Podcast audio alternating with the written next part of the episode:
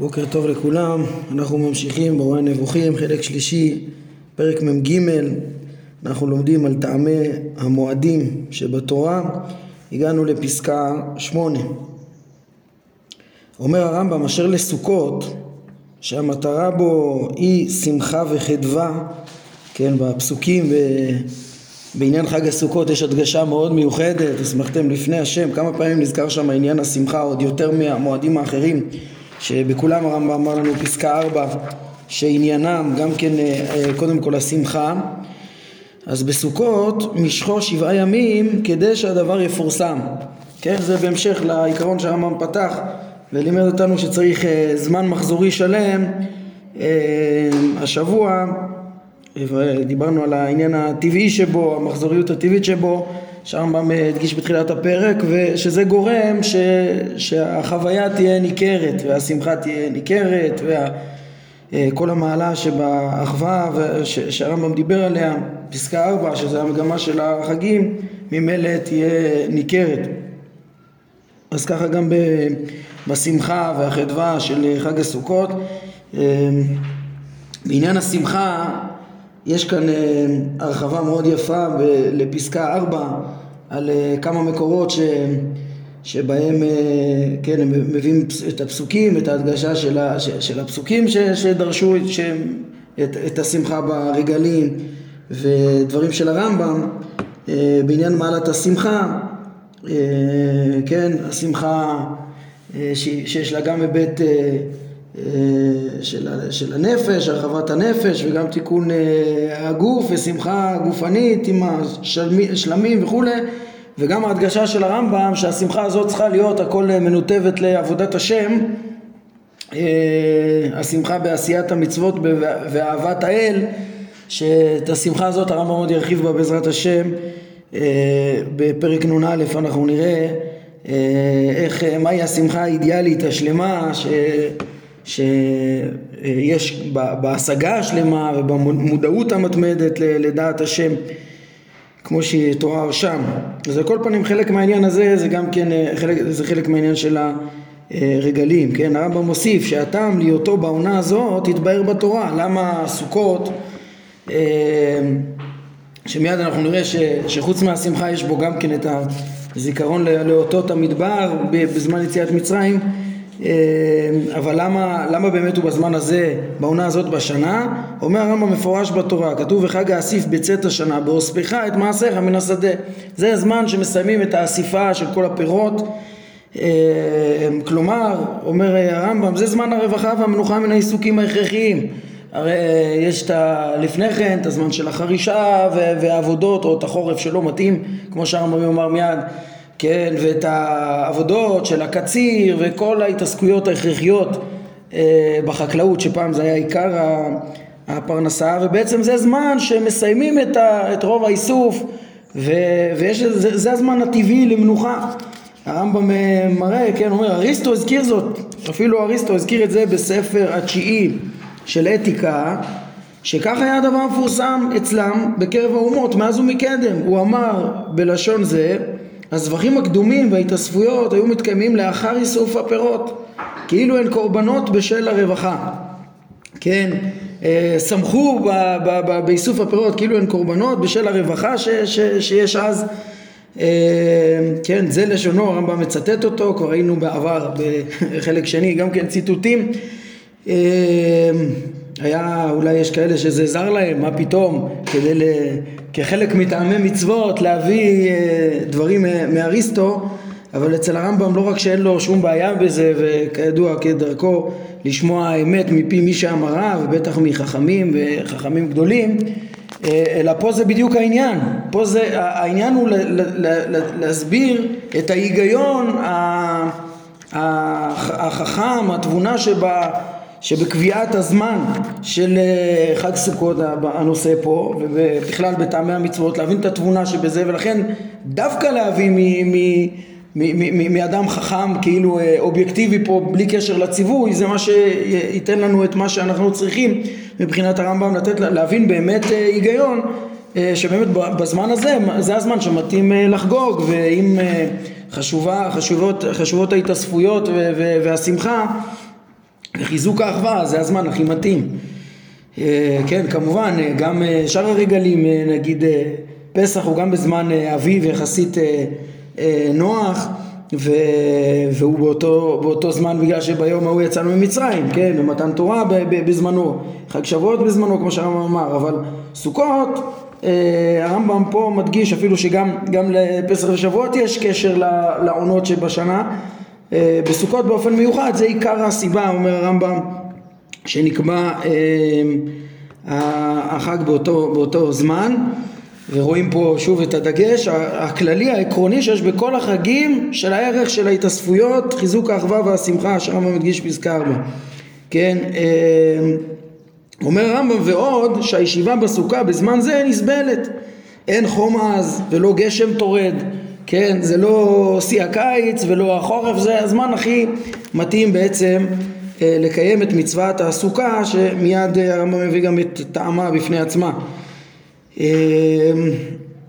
כן זה אמנם אה, הפוך קצת ממה שהגמרא אומרת שזה זמן לא נוח ל... למצוות סוכה, אבל בהחלט כן, יכול להיות לפעמים שזה לא נוח ולא אף פעם לשבת בסוכה זה לא הכי נוח, כמו שהרמב"ם גם כן יציין עוד מעט בהמשך העניין, זה לא, זה ברור שזה לא הכי נוח שיש להיות בסוכה, יותר נוח להיות בבית, אבל יחסית, זה לא בקיץ ולא בחורף, זה זמן שזה אפשרי, כמו שהוא אומר פה, נסבל, זה לא משהו אז בלתי אפשרי. חלק מהעניין של הסוכות זה גם כן אה, לזכור את המצוקה כמו שמיד הרמב"ם אה, יאמר. ופה מוסיף לנו הרמב"ם בטעמי, ה... אה, ביחד עם סוכות גם בטעם הפסח שפה בעצם למעלה הוא קיצר בזה. אומר הרמב"ם שני החגים האלה יחד כלומר סוכות ופסח מקנים דעה ומידה. גם מתקנים גם את האמנה גם דעות יסוד וגם מידות. הדעה בפסח היא זיכרון אותות מצרים והנצחתם לדורות והדעה בסוכות היא הנצחת אותות המדבר לדורות. היינו בשניהם הם מבססים בעצם מזכירים לנו את יציאת מצרים והאותות וממילא את אמונת אה, ההשגחה. אה, אפשרות הניסים, היכולת האלוהית, ההשגחה האלוהית וכולי שזה מיסודות אה, האמונה והתורה אלא שזה מזכיר את זה על ידי אותות מצרים מדייק הרמב"ם, פסח מזכיר את אותות מצרים וסוכות מזכיר את אותות המדבר זה קודם כל, אז שניהם מחזקים את האמונה. חוץ מזה שניהם מקנים מידות הרמב"ם אמר, כן? והמידה היא שהאדם יזכור תמיד את ימי המצוקה בימי הרווחה, כן? כדי שתגדל תודתו להשם ויזכה בענווה והכנעה, באוכלו מצה ומרור ופסח, כן? כדי שיזכור מה שאירע לנו. כן, זה דברים שראינו אותם גם בהקשר למצוות מקרא ביקורים, פרק ל"ט. פסקה 6, גם שם הוא הדגיש איך שיש בזה, בכל המצווה הזאת מידת הענווה וגם הכרה בחסדי האל וטובותיו אה, כי שהאדם, הרמב"ם אומר שמה, אה, אה, כדי שהאדם ידע שחלק מעבודת השם הוא לזכור בעת רווחתו את מצבי מצוקתו, כן, והרמב"ם מציין שם שעניין זה מודגש רבות בתורה, כן, וזכרת כי הביא היית בארץ מצרים, כן, כי החשש, אני קורא שם שהוא טיפה יותר מרחיב, החשש הוא מן המידות הנפוצות אצל כל מי שגדל בחיי הרווחה, כוונתי ליהירות ולזכיחות ולהזנחת הדעות הנכונות, כן, פן תאכל ושבעת וכולי, ורם לבבך ושכחת את השם, ונאמר וישמן ישורון ויבעט. בקיצור הרמב"ם אומר זה, מש, זה, זה עניינים יסודיים בתורה, והנה גם כאן אה, אני חוזר אלינו, אה, ל"ט שש, בעניין מצוות אה, מקרא ביקורים. אה, אז גם כאן הרמב"ם אומר שזכירת אה, אה, אותות אה, מצרים ואותות המדבר ובעצם המצוות של פסח וסוכות עם אכילת מצה, מרור בפסח, כן, לגבי קורבן פסח עצמו הרמב"ם יוסיף לנו עוד טעמים בהמשך יחד עם הקורבנות בפרק מ"ו בעיקרון, אבל גם כן הוא חלק אה, מרכזי, זה הזכירה של, אה, של, של, של מכת בכורות והיציאה ואותות מצרים, גם, גם העניין של קורבן פסח, אלא שהוא יוסיף שם עוד דברים. כן, אז, אז, אז, אז גם כאן אנחנו רואים איך שהמצוות האלו הן מזכירות לנו את מה שהיה ולא מובן מאליו כל מה שיש לנו, ככה אנחנו זוכרים את השם שהוא נותן לנו כוח לעשות חיל ולא מגיעים חלילה מתוך הרווחה לשכחת השם, כן? אה, וככה לדורות, כן? הוא מוסיף, וככה, וכן לעניין סוכות, וכן יצא מן הבתים ויגור בסוכות, כמו שעושים האומללים, שוכני המדבריות והשממות, כן? אתם רואים, זה מה שאנחנו מזכירים, זה לא כל כך, אה, זה לא שזה נעשה בצורה של הכי נוחות וסבבה, כן? אה, כל זה כדי שיזכור שככה היה מצבנו בימי קדם, כמו שמפורש בכתוב, כי בסוכות הושבתי את בני ישראל והוציא אותם מארץ מצרים. כן, ועברנו מכך לשכון בבתים מפוארים, על האדמות הטובות והפוריות ביותר, בשל חסדי השם והבטחותיו לאבותינו, אברהם, יצחק ויעקב. עכשיו פה הרמב"ם מוסיף אה, ככה בדרך אגב, דברים מאוד מאוד חשובים, שהוא אומר כל ה... בזכות מה הייתה ההשגחה האלוהית המופלאה עלינו לאורך המדבר, בעצות מרחוק, בכזאת חוכמה וכולי, בסוף אפילו נתינת התורה והמצוות להיטיב לנו, ליישוב חיי העולם הזה, לנחול חיי העולם הבא, כל הטוב הגדול הזה, אז הוא מוסיף פה שזה בזכות אה, אה, חסדי אבות ויש פה אה, משפטים חשובים ביותר. אה, בואו נקרא אותם ו, ו, ו, ונדגיש אותם, כן, אה, שכל זה היה בשל חסדי השם והבטחותיו לאבותינו אברהם יצחק ויעקב משום שהיו אנשים שלמים בדעותיהם ובמידותיהם אומר הרמב"ם כי גם זה ציר שעליו סובבת התורה. אחד מהצירים שהתורה סובבת עליו זה, זה, זה, זה העניין הזה כלומר שכל טובה שהשם ייטיב והיטיב לנו בעבר כן גם כן אינה אלא בזכות אבות הואיל ושמרו דרך השם לעשות צדקה ומשפט. כן אז התיאורים האלה קודם כל יש פה, יש פה תיאור במה היו שלמים האבות יש פה גם טענה שבזכותם ובזכות ההבטחות של הבורא להם אה, כל, יש לנו את כל הטובות שהשם היטיב לנו והיטיב לנו.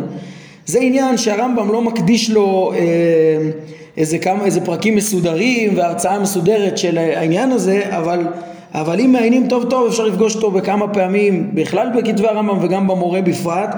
יש פה יסוד מאוד מאוד גדול אה, יסוד מאוד גדול בהבנת ההשגחה שגם כן מצאנו אותו, אנחנו בסוף פרקי השגחה, אם אתם זוכרים, בסוף אה, פרק כ"ד דיברנו על זה, אבל זה עניין גדול מיסודות האמונה ו- וצריך להדגיש אותו, כי שוב, לא היה עליו הרצאה מסודרת מצד אה, הרמב"ם, אף על פי שהוא אומר שזה ציר שהתורה סובבת עליו.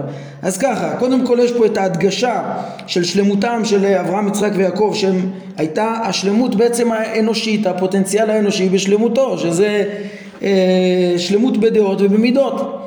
כן, וזה מה שהוא קורא לו פה, אה, שהם אה, שמרו דרך השם לעשות צדקה ומשפט. הרמב"ם יחתום את המורה בפרקי חתימה שאנחנו כל הזמן מזכירים אותם אה, של תיאור עבודת השם השלמה שהיא בהשגת השם מלאה שבעיקר כן, ההשגה היא דרך השלילה ומודעות מתמדת שאין בה תוכן חיובי של להגדיר את הבורא, אלא מה שבעיקר אפשר להשיג חוץ מלשלול את כל הטעויות, זה להכיר את דרכיו ולהידמות בדרכיו, כי אני השם עושה חסד משפט וצדקה אה, בארץ, כי באלה חפצתי והאבות עמדו על זה ו...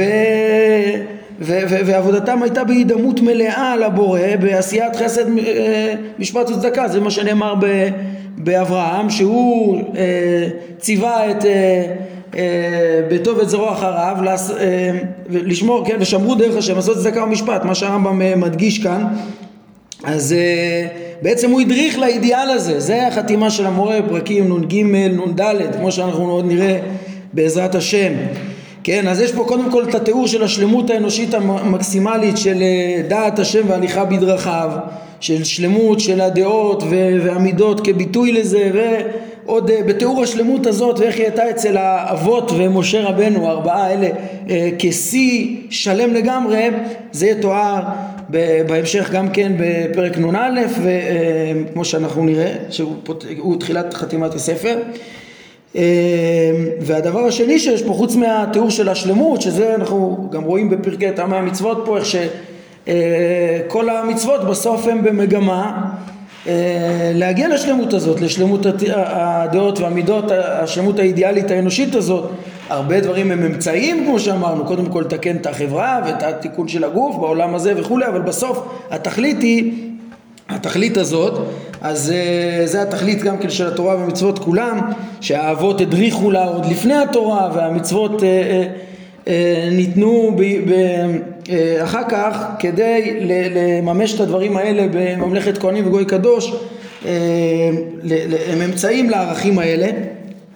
אז, אז זה דבר ראשון קודם כל המעלה שלהם. הדבר השני זה מה זה שכל טובה שהשם היטיב והיטיב לנו זה בזכותם.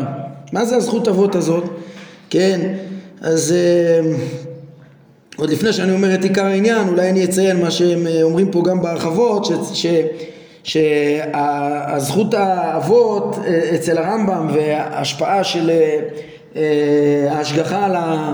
על הבנים לפי מעשי האבות וכדומה, אצל הרמב"ם, הרמב"ם מדבר על זה בכמה הקשרים, שזה מה שנקרא באוחזים מעשי אבותיהם, כן, מש, ממשיכים את דרכם וממילא אה, אה, גם כן מגיע, נמשכת ההשגחה, הם, הם העבירו לנו את החינוך שלהם ואת הדרך שלהם, אנחנו שומרים את זה, ממילא גם כן מגיע לנו ההשגחה כממשיכי דרכם, כבעלי מעלה מכוחם וכדומה, זה גם דבר שקיים, אני חושב שהם רומזים על זה פה בהרחבה, כן, זה קשור גם לטוב וגם לרע כן, שיש ענישה לבנים באוחזים מעשי אבותיהם, וכמו שם אומר בהלכות תעניות גם, כן, שאם יש צרות, אה, או צרות אפילו על החורבן, זה אמור לעורר אותנו ש...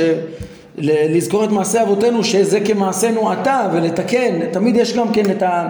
אין פה איזה רק אה, חשבון של העבר בלי, בלי התייחסות להווה.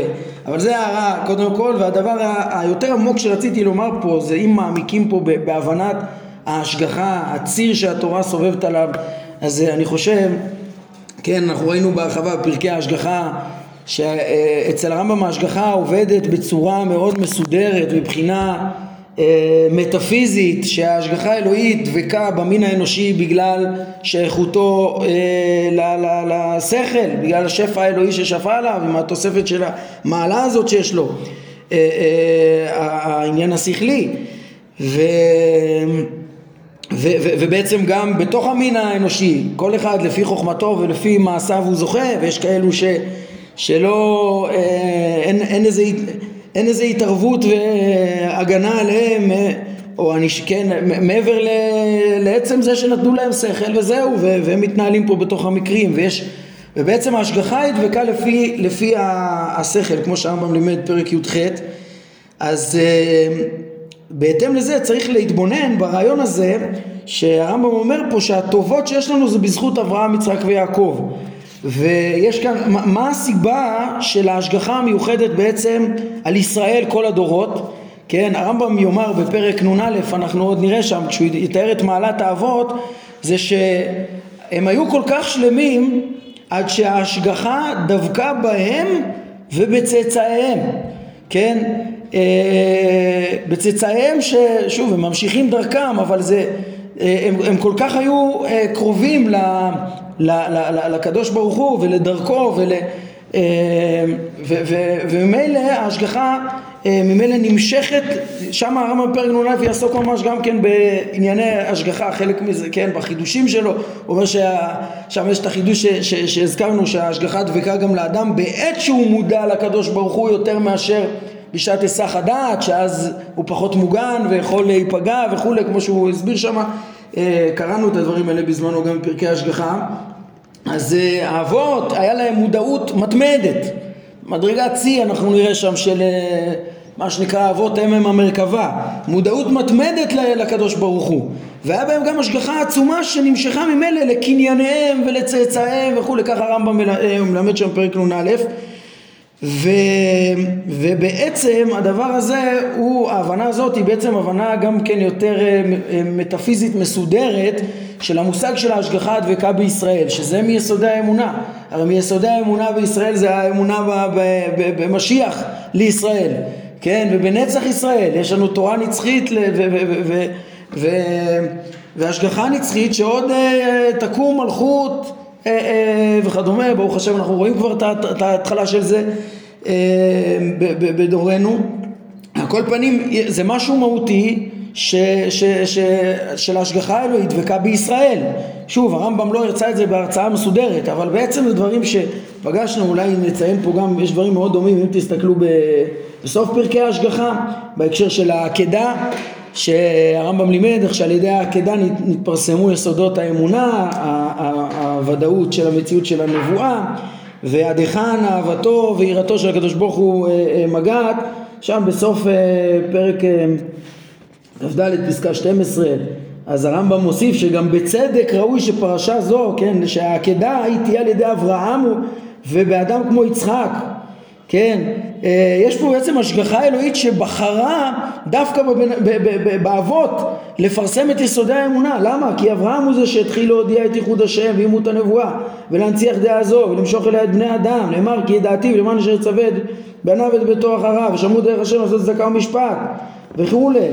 אה, כמו שהלכו אחר דעותיו הנכונות והמועילות הנשמעות ממנו כך חובה ללכת אחר הדעות הנלמדות ממעשיו כן, ובייחוד מעשה זה, שאימת בו את יסוד אמיתת הנבואה והודיע לנו על ידו עד היכן מגיעה תכלית יראת השם ואהבתו וכולי.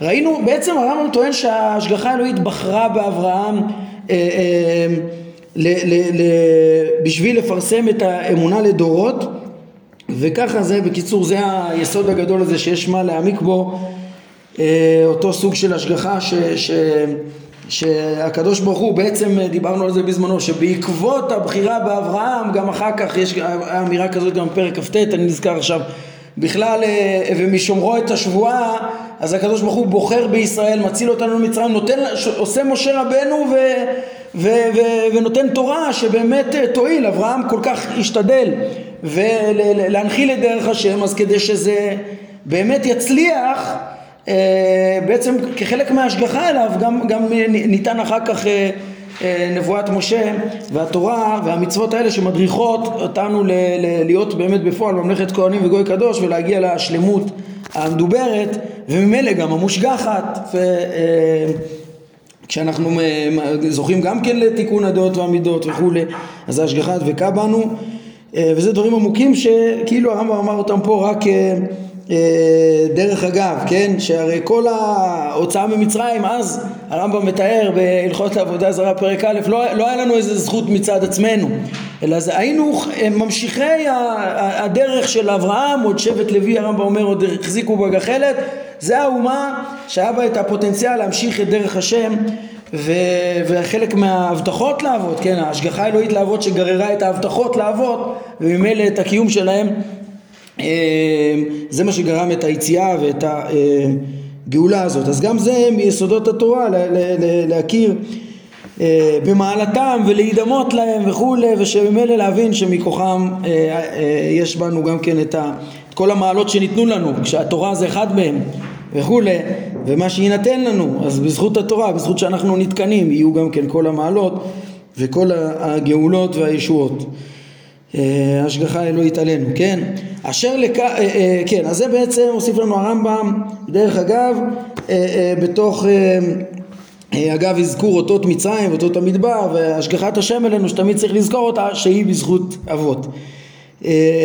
אומר הרמב"ם, אשר לכך שיוצאים מסוכות לחג אחר, כלומר שמיני עצרת, זאת כדי להשלים בו את השמחות. שאי אפשר היה לעשות בסוכות, אלא, אה, אה, לא, לא היה אפשר לעשות אותם בסוכות, כן? אלא בבתים מרווחים ובמבנים. זה טעם פשוט נפלא שהוא אה, שוב מקבל את המשמעות שלו ומחזיר אותנו לטעם הבסיסי בכלל של הצורך בחגים. כן, עוד פעם, אולי הדברים האלה קצת מפתיעים, שהרמב"ם, כמו שהוא אמר, פותח פסקה ארבע, ימים טובים הם חשובים בשביל השמחה, להתאספיות המענות, לשיפור האחווה וכולי. כן, זה אומנם לא הדבר היחיד, זה גם מזכיר את הדעות והאמונות וכולי, אבל זה היה אפשר לעשות גם כן בלי עלייה לרגל ובלי אה, ההתאספויות אה, וכולי, רק במצוות אה, פרטיות. אה, ופה כל העניין הזה של השמחה זה משהו שהוא הכרחי, ראינו את זה אפילו אצל אה, אריסטו, ו, ובעצם הדבר הזה אומר הרמב"ם ממילא, הוא מסביר את עניין של שמיני עצרת שמדאורייתא כידוע אין בו שום, לא מדאורייתא ולא מדרבנן, אין בו את העניין של שמחת תורה שאנחנו רגילים אה, ל- ל- לעשות היום. אה, פשוט אה, חג שאחרי שבעה ימים שהיה שמחות בסוכות אבל השמחה לא הייתה שלמה אז יש את ההשלמה של החג הזה להשלמת השמחה גם במבנים נוחים יותר. אשר לארבעת מינים שבלולב. החכמים נתנו לכך טעמים מסוימים על דרך הדרשות שדרכן ידועה למי שמבין את דבריהם שהן אה, מבחינתם כצורת חידודים שיריים לא שזוהי משמעות אותו פסוק. יש פה עניין שצריך אולי טיפונת יותר להרחיב בו בעניין היחס לדרשות שהרמב"ם אומר פה אה, בדרך אגב אז אולי את זה נשאיר לשיעור הבא אבל אני כן רוצה אולי נדלג על זה רגע ונראה מה, מה הרמב"ם כן אומר כן? הרמב"ם פותח פה בעצם מה קראנו? הוא מציין כן שלפי ה... לפי חז"ל נאמר בטעם ארבעת המינים, למה יוחדו המינים האלה? וכדומה, דרשות אה, ש, שהם לא הטעם הפשטי של הדברים, כן? אה, כן, כמו למשל, הנה מובן, אני רואה פה בביאור, כמו ש... אה, אה, אה, דימו את ארבעת המינים כמפורסם לארבעה אה, סוגים של אה, אה, בני אדם, צדיקים, רשעים אה, וכולי, אלה שיש בהם מעשים ולא מידות, אלה שיש בהם מידות ולא מעשים וכולי, מה שיש גם וגם, ריח וטעם וכולי, אז, אז זה בעצם זה, הרמב"ם אומר זה בעצם וורטים יפים, זה, אה, יש איזה דמיון ככה שירי, רעיוני, מליצי, נחמד בין הדברים, אבל לא שזה משמעות הפסוק, זה לא הייתה הכוונה המקורית, זה לא יכול להיות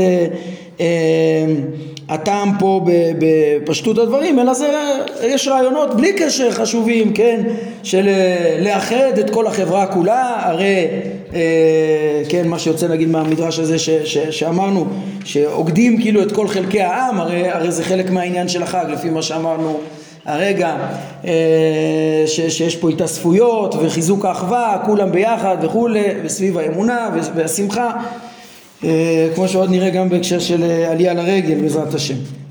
כן, אז, זה יכול להיות וורט שהוא רעיון נכון, אבל הקשר להגיד שבגלל זה נבחרו המינים האלה זה חלש, אז אנחנו נראה בהמשך, אה, בעזרת השם אמרנו בפעם הבאה, ואיך הרמב"ם חשוב לו לדבר על היחס לדרשות, ומי להתייחס לאלו שלא הבינו בזה וטעו וזה, יש קצת מה להרחיב בזה. אז מה כן הטעם שהרמב"ם אומר בעניין? אולי עכשיו נזכר גם עוד לפני הרמב"ם אפשר לציין את הטעם של החינוך. אה, הטעם של החינוך בארבעת המינים אה, הוא משתלב יפה עם, ה, עם העניין של השמחה. החינוך אומר שלוקחים את ארבעת המינים כאיזה דוגמית מהיבול ש, שאספנו ש... ומודים בו לקדוש ברוך הוא. אה, אומר אפילו היו הולכים איתו תמיד כתוב ככה שמנהג אנשי ירושלים ללכת עם זה תמיד כאילו כדי הוא אומר זה תזכורת ל... אה, כן, אולי, אולי בעצם לא, רגע, זה, הוא מדגיש את זה שזה כמו תפילין החינוך. בואו בוא נקרא גם את הדברים של הרמב"ם ואני אתחדד לי ואני אזכר את ההבדלים ביניהם. כן, הרמב"ם אומר, מה שנראה לי, אני מדלג רגע לפסקה 14, מה שנראה לי לגבי ארבעת מינים שבלולב, מה הפשט פה, כן, שהוא שמחה וחדווה ביציאתם מן המדבר, שהיה לא מקום זרע אה, ותאנה וגפן ורימון ומים אין לשתות, אל מקומות עצי פרי ונערות. לזיכרון הדבר נלקחים הפרי הנאה ביותר ש, אה, אה, שלה, של, ארץ, של, של הארץ הזאת, שזה האתרוג, והצמח בעל הריח הטוב ביותר, שזה הדס, ובעל העלים, העלים היפים ביותר, שזה הלולב, ו... וכן העשב היפה ביותר, כלומר ערבי נחל, שהוא כמו עשב כזה שגדל על, ה, על כל מים, כן? וארבעת המינים האלה, אומר הרמב"ם, שנכללים, ב, אה, אה, אלה, וארבעת המינים האלה הם אלה שנכללים בהם שלושה דברים, יש שלושה דברים שתועלת למה לבחור דווקא את המינים האלה. הראשון, היותם שכיחים בארץ ישראל באותו זמן, כך שכל אחד יכול להשיג אותם, ותמיד המצוות באות אה, להיות אה, קלות, יעילות וקלות וזמינות ו...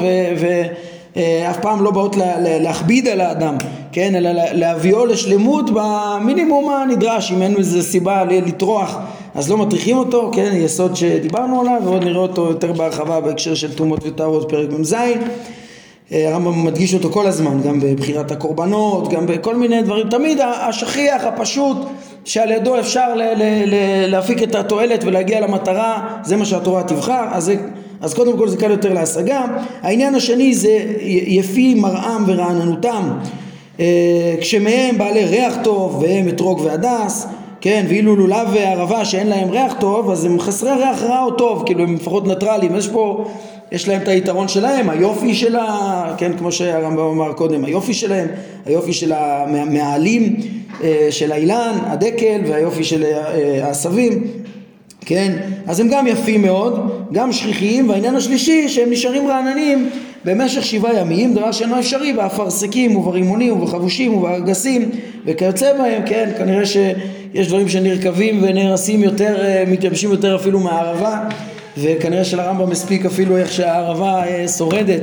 גם אה, בעניין הזה של כן, איך שהיא שורדת זה מספיק לרמב"ם, זה נחשב רענן, לא, הוא לא אומר שצריך להחליף אותם.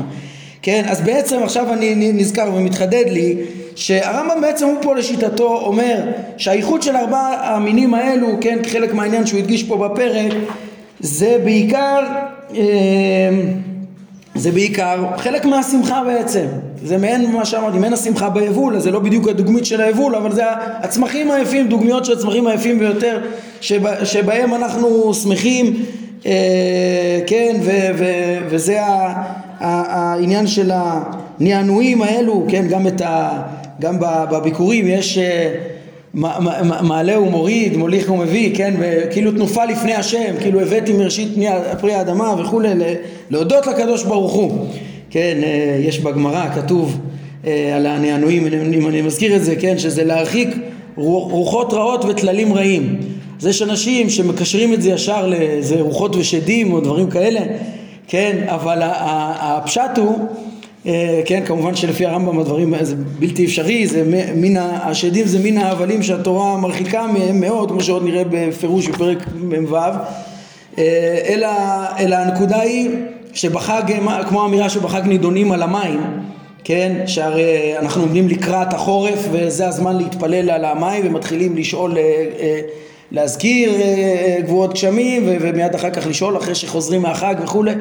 אנחנו כבר מתכוננים לקראת המים והרוחות רעים וטללים רעים זה בעצם מזג האוויר לא טוב רקבונות, אה, בעיות, דברים כאלה אז כאילו מתפללים להשם, הוסיפו חכמים חוץ מה... גם זה לא הפשט לפי הרמב"ם לפי הפשט זה עוד השמחה בחלק מהחגיגה והשמחה ביבול והאיסוף בזמן הרווחה והחג כן? אבל בעצם גם הדבר הזה שכן נזכר בגמרא זה כאילו להתפלל על השם מזג אוויר טוב ולא רקבונות וכל מיני דברים. אז זה הרמב"ם. החינוך עכשיו אני נזכר שהוא הדגיש שהסיבה שהולכים עם זה כל הזמן זה כמו תפילין. זה כאילו, הרמב"ם אומר זה חלק ממה שמעורר את השמחה. החינוך אומר בתוך השמחה יש איזה מצווה ל- ללכת עם איזה מינים מיוחדים כדי לזכור את האמונה בזמן השמחה. כן. אה, זה הכיוונים, אז זה טעמים על דרך הפשט. בעזרת השם בפעם הבאה אנחנו נראה אה, מה ההערה שהרמב"ם אומר חרגתי מן העניין, אבל זו הערה מאלפת שצריך לדעת באופן כללי ביחס לדרשות, לדרשות אה, חז"ל ויש מה להרחיב על זה קצת, אז בזה ניגע בעזרת השם בפעם הבאה. אז בזה, טוב, נעצור פה להיום, ברוך אדוני לעולם, אמן ואמן.